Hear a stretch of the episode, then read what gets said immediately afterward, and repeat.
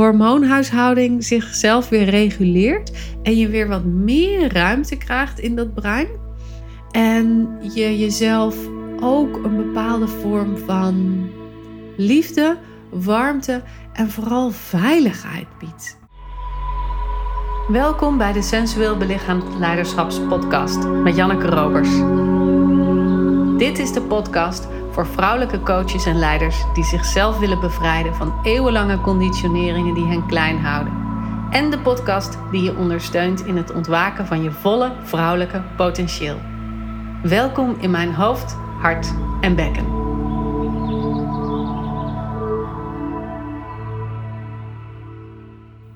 Vanochtend, toen ik mijn telefoon aanzette, had ik twee appjes van deelnemers. De ene had een paniekaanval en de andere had superstress voor een bespreking die ze zo inging. En het deed me denken aan dat wij vaak niet in de gaten hebben waar die enorme spanning vandaan komt. En ik vond het wel interessant om dit even met je te bespreken, want het is natuurlijk niet zo dat ik alleen maar deelnemers heb met stressaanvallen. Helemaal niet. Maar we hebben dat vaak in ons leven, dat er iets op ons afkomt en dat ons lijf heel extreem reageert. En dan is het wel interessant om dat te kunnen ontrafelen zodat je jezelf weer in een ontspannen toestand kunt brengen. Want een ontspannen toestand is altijd veel prettiger, zowel voor jezelf als voor je omgeving, maar vooral ook omdat je in een ontspannen toestand meer ruimte hebt om de verschillende delen van je brein te activeren. En je kunt in een ontspannen toestand dus veel beter nadenken en oplossingen verzinnen voor die stressige situatie waar je in zit. Wat was er nu bij beide vrouwen gaande? Er was een situatie in hun leven waar ze op hadden te reageren, in het hier en nu. En ze waren allebei getreerd op een oud stuk van vroeger. En ik kan het misschien het beste uitleggen aan de hand van een persoonlijk voorbeeld. Ik had ooit eens een vriendje waarmee ik naar Chili op vakantie ging. En um, we kenden elkaar nog niet zo goed. We hadden een maand verkering of zo. Ik was uh, ergens in de twintig. En we gingen op reis. We hadden net de eerste nou, week erop zitten. We waren diep naar het zuiden getrokken. We zaten in the middle of nowhere. En hij zei ineens: Ik moet je wat vertellen. En daarna maakte hij het uit. Dus ik zat daar in the middle of nowhere. Ik had een gebroken hart. Ik wist niet naar wie ik moest uitreiken. En ik had ook nog mijn huis in Amsterdam verhuurd. Dus ik zat in, nou ja, diepe shit, om het zo maar te zeggen. Dat is uiteindelijk prima opgelost natuurlijk. Maar die situatie, die heeft er wel voor gezorgd dat als mensen mij nu sms'en en zeggen: Ik moet je wat vertellen, dat alle alarmknoppen afgaan. En misschien komt er na die zin wel: Oh, ik heb zo'n ontzettend goed weekend bij je gehad in deze trainingsdag. Of ehm, ik moet je wat vertellen. Ehm, ik kan dan en dan niet komen, maar kan wel de week erna komen. Weet je, het maakt niet uit wat, het, wat de volgende zin is. Die eerste zin is voor mij super alarmerend, omdat hij mijn brein doet denken aan die oude keer waarin het zo ontzettend misging. En dus gaan alle alarmbellen af. En dat hebben we zo ontzettend vaak gedurende de dag. En dit is een heel, heel specifiek voorbeeld op, op een heel specifiek zinnetje. Maar we hebben allerlei patronen aangemaakt in onze hele vroege kindertijd. Die we nu in het huidige leven steeds weer onbewust terugkrijgen. Waarop onze alarmsignalen afgaan. Als je innerlijk kindwerk hebt gedaan of als je systemisch werk hebt gedaan, met familieopstellingen hebt gewerkt of in de transactionele analyse dingen hebt gedaan, dan weet je dit. Je weet dat we reageren vanuit vroeger in het hier en nu en dat we daardoor gekke dingen doen en, en gekke reacties op elkaar kunnen hebben. Maar wat super boeiend is om te ontdekken, is dat ons brein als het ware een beetje inkrimpt. Nou, het krimpt niet in, maar een deel van ons brein is niet meer toegankelijk als we die oude kindstukken laten spreken. Als we dat kinddeel van ons niet kunnen sussen en tot rust kunnen brengen, dan is er maar een heel klein deel van ons brein dat nog kan nadenken. En um, ik zal nog even een ander mooi voorbeeld geven, omdat het zo laat zien hoe het zo in ons dagelijks leven ook zo vaak voorkomt. Mijn man zou naar de stad gaan met de dochter. En de dochter is nog maar zes, dus hij wilde de step meenemen zodat ze door de stad kon steppen. Want ik was met de auto en zij zouden naar de markt gaan. En de markt is ietsje verder van het station vandaan. Dus handig, step mee. Maar we hadden een beetje stress in de ochtend, want uh, we hadden te weinig tijd. Ik zou lesgeven. Nou ja, je weet hoe dat gaat met een klein kind. Dus uiteindelijk gingen we vlak voordat de trein zou vertrekken, gingen we weg. En ja hoor, we vergaten de step. Dus ik zat in de auto naar mijn trainingsdag en hij zat met mijn dochter in de trein. En ik realiseer me ineens: oh, we zijn die step vergeten. Ik heb de auto stilgezet en ik heb hem gebeld. Want ik wist, als hij erachter zou komen dat hij die step kwijt zou zijn, dan zou hij zagrijnig worden. Want hij zou in een oud stuk terechtkomen waarin er niet voor hem gezorgd werd. En dan kan hij niet meer goed nadenken. En zo werkt dat ook bij jou en bij je buurman en bij je klant. We kunnen gewoon niet meer goed nadenken. Dus ik heb de auto stilgezet, ik heb hem gebeld en ik had van tevoren even nagedacht, want ik heb natuurlijk niet die fysieke reactie op een oud kindstuk. Ik denk alleen maar, oh jee, wat vervelend voor hem. En mijn brein doet het nog wel. Dus ik had een aantal oplossingen bedacht, waaronder ook een OV-fiets huren. En hij was zo blij dat ik dat zei, want hij was daar helemaal niet opgekomen. En dat is zo'n simpel iets. Maar als je brein in dat kindstuk zit en als je brein dus helemaal naar die primaire delen, ja, niet krimpt, maar een soort van terugtrekt. Ja, dat is misschien wel de goede benaming. Het trekt zich terug naar het het allerkleinste deel van je brein. En dat ligt bovenaan je ruggengraat in die onderste hersenstam. Dan kan het gewoon dit soort simpele oplossingen niet meer bedenken. En dit is een heel praktisch voorbeeld. Maar je komt het vast tegen ook in gesprekken met klanten of gesprekken met opdrachtgevers of gesprekken met vriendinnen dat de een iets zegt wat de ander triggert en er dan een soort van vergrotende reactie komt die niet helemaal zuiver is voor dat moment. En dat is waarop je kan zien, oh, iemand zit in een oud kindstuk. En wat super voedend is om die relatie fijn te houden en die relatie stromend en liefdevol te houden. Want dat is natuurlijk wat we willen met, met onze klanten, met onze mensen die nabij staan, met onze geliefden. We willen dat het voedend is en dat het fijn is. Maar als de een stresst, dan heeft de ander vaak ook een stressreactie op die stress. En ga je een soort van pingpongspelletje spelen. En is het een soort van negatieve spiraal die naar beneden gaat. Dus het is super belangrijk om te herkennen wanneer het gebeurt bij jezelf of bij de ander. En als het bij de ander gebeurt, om de ander iets aan te reiken, waardoor die uit dat stuk kan stappen. Dus iets liefdevols, een aanraking, een open suggestie. Niet, niet ongevraagd advies, maar een open suggestie. Zelf heel erg in de ontspanning, in de berusting, in de openheid komen. Je hart openen.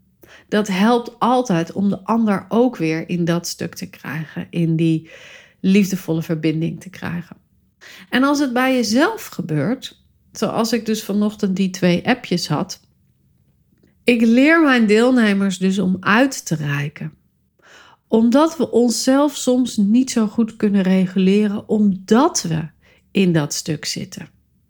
Dus als je weet, hé, hey, er gebeurt iets bij me en het is te heftig of te groot of te lastig voor deze situatie, die, die de situatie niet rechtvaardigt, heb dan een EHBO-lijstje bij de hand waarop er dingen staan die je kunt doen om jezelf weer terug te brengen in de natuurlijke staat van zijn. Uitreiken is daar een goede van, omdat de ander niet die reactie heeft die jij hebt. Dus die kan je helpen.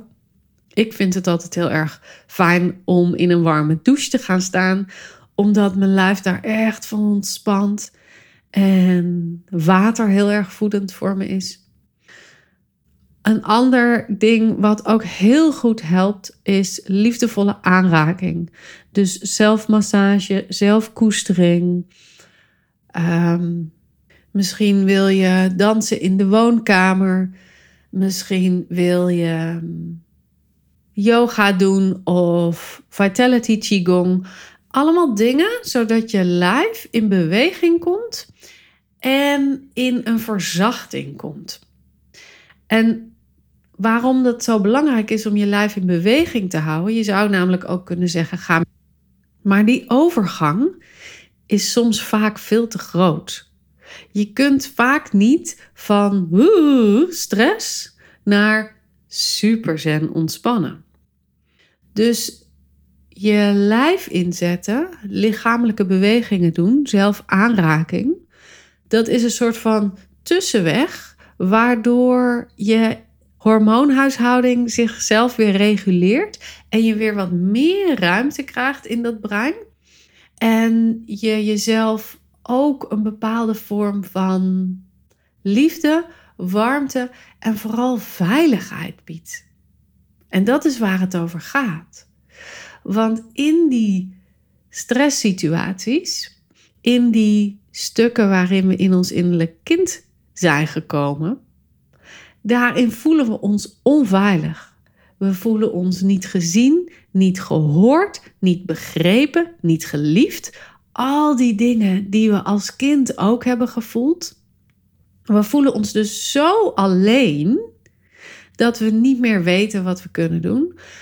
Maar als er dus op je EHBO-lijstje staat: doe aan zelfkoestering, dan heb je die herinnering en kun je jezelf die veiligheid weer geven. En dat is ook waarom ik heel vaak zeg dat uitreiken ook een hele mooie is, omdat we soms onszelf die veiligheid niet kunnen geven, maar we dat via een ander wel kunnen ontvangen. En dan weer aan onszelf kunnen geven. Er zitten stapjes in dat stuk van stress naar super zen. Om zomaar even die extreme polariteiten te noemen. En als je weet welke stapjes jij nodig hebt, want dit is voor iedereen anders. Hè? Iedereen heeft een eigen handleiding op haar vrouw zijn. En als je je eigen handleiding ontrafelt, dan kun je jezelf dus toestaan om steeds zo'n stapje te zetten en jezelf dus van stress naar superzen te brengen. Nou, in dat geval van mijn voorbeeld, waarin ik zei dat ik soms zo mini-stress kan hebben als mensen mij sms'en met ik moet je wat vertellen. Of een variant daarop. Hè. Ik bedoel, die letterlijke woorden zijn het niet alleen. Het, het, zijn ook de, de woorden die dat een beetje in zich hebben, dat idee. Ik weet dat dat gebeurt. Ik geef mezelf er niet meer voor op mijn kop, want het is nou eenmaal hoe mijn lijf is geprogrammeerd. En ik help mezelf eerst tot rust komen. Dus ik ga niet gelijk die sms openen. Ik ga mezelf eerst kalmeren en mezelf veilig maken. En pas dan open ik het appje of open ik het bericht. En dan is het eigenlijk altijd, ik heb nog nooit gehad dat, dat er nog eentje is die het uitmaakt of iets uh, negatiefs zegt. Maar altijd komt dan de bevestiging dat het alleen maar mijn lijf was dat erop reageerde en dat het in de buitenwereld niet onveilig was. Maar omdat ik mezelf dus die veiligheid geef, wordt het steeds zachter.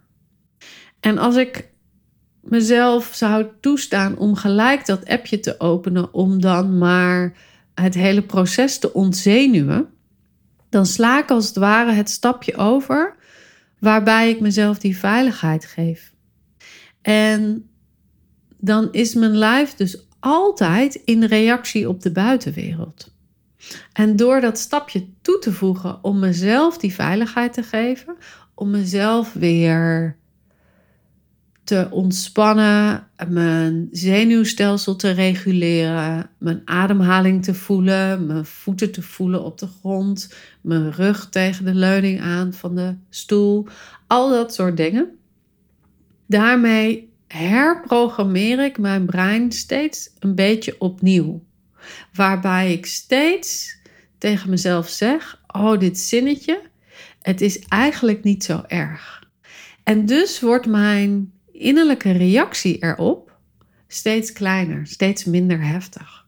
En dan gaat een moment komen waarop dat niet meer zo alarmerend is, maar veel warmer en zachter. Omdat ik mezelf steeds heb geprogrammeerd op het kalmeren van het zenuwstelsel. En waarom deel ik dit nu met je?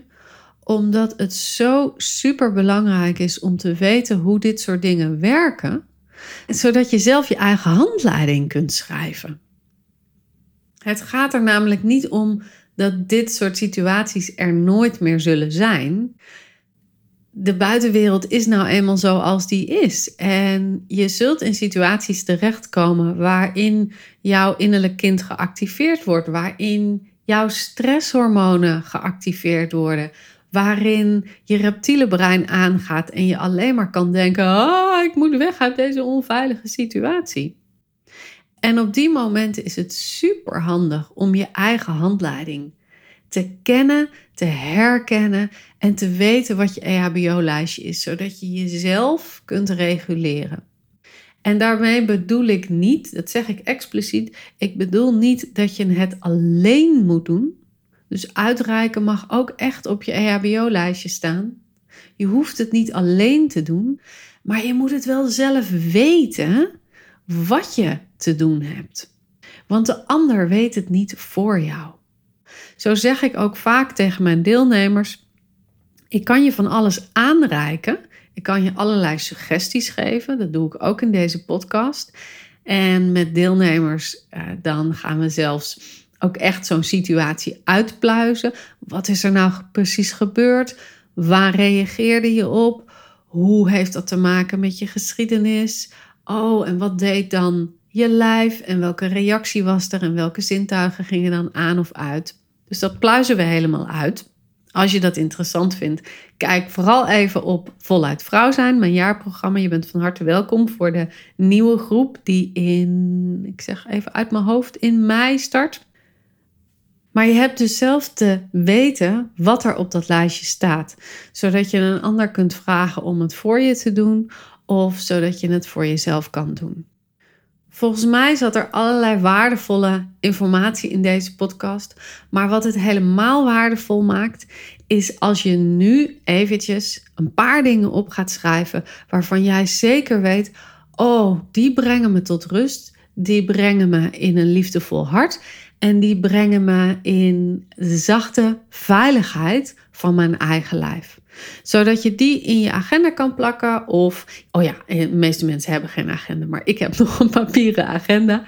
Maar je kan hem ook op je computer plakken of waar dan ook in je schrijfboekje. Zodat je hem vaak ziet en zodat je je vaak jezelf ook herinnert aan die dingen die je kunt doen wanneer het mini onveilig is. Dus ik heb het niet over de hele grote onveilige situaties, maar over die dingen waarin je voelt: oeh, dit is even spannend. En dat je dan je EHBO-lijstje erbij pakt, zodat je jezelf dan kunt reguleren. En hoe vaker je dat doet, hoe meer ontspannen je lijf is, hoe meer ontspannen je leven is, hoe meer ontspannen je werk is en hoe meer geluk en extase er naar je toe stroomt. En dat is wat we willen. We willen dat we levenslustig in ons werk en in ons leven en in onze relatie staan. We willen dat we innerlijke stevigheid hebben, dat we onze lijfwijsheid kunnen laten spreken. En dat kan alleen als ons lijf het gevoel heeft dat we veilig zijn. Dus gun jezelf even vijf minuten om dat EHBO-lijstje te maken. En ehm, nou, laat me even weten wat erop staat. Dat vind ik altijd super boeiend. Want ehm, de dingen die voor een ander werken, die kunnen soms ook voor weer andere mensen inspirerend en voedend zijn. En als je vragen, opmerkingen of andere dingen hebt over deze podcast, rijk gerust even uit. Stuur me een DM op Instagram. Vind ik altijd leuk om van je te horen. En ik zie je graag bij de volgende aflevering. Doei doei!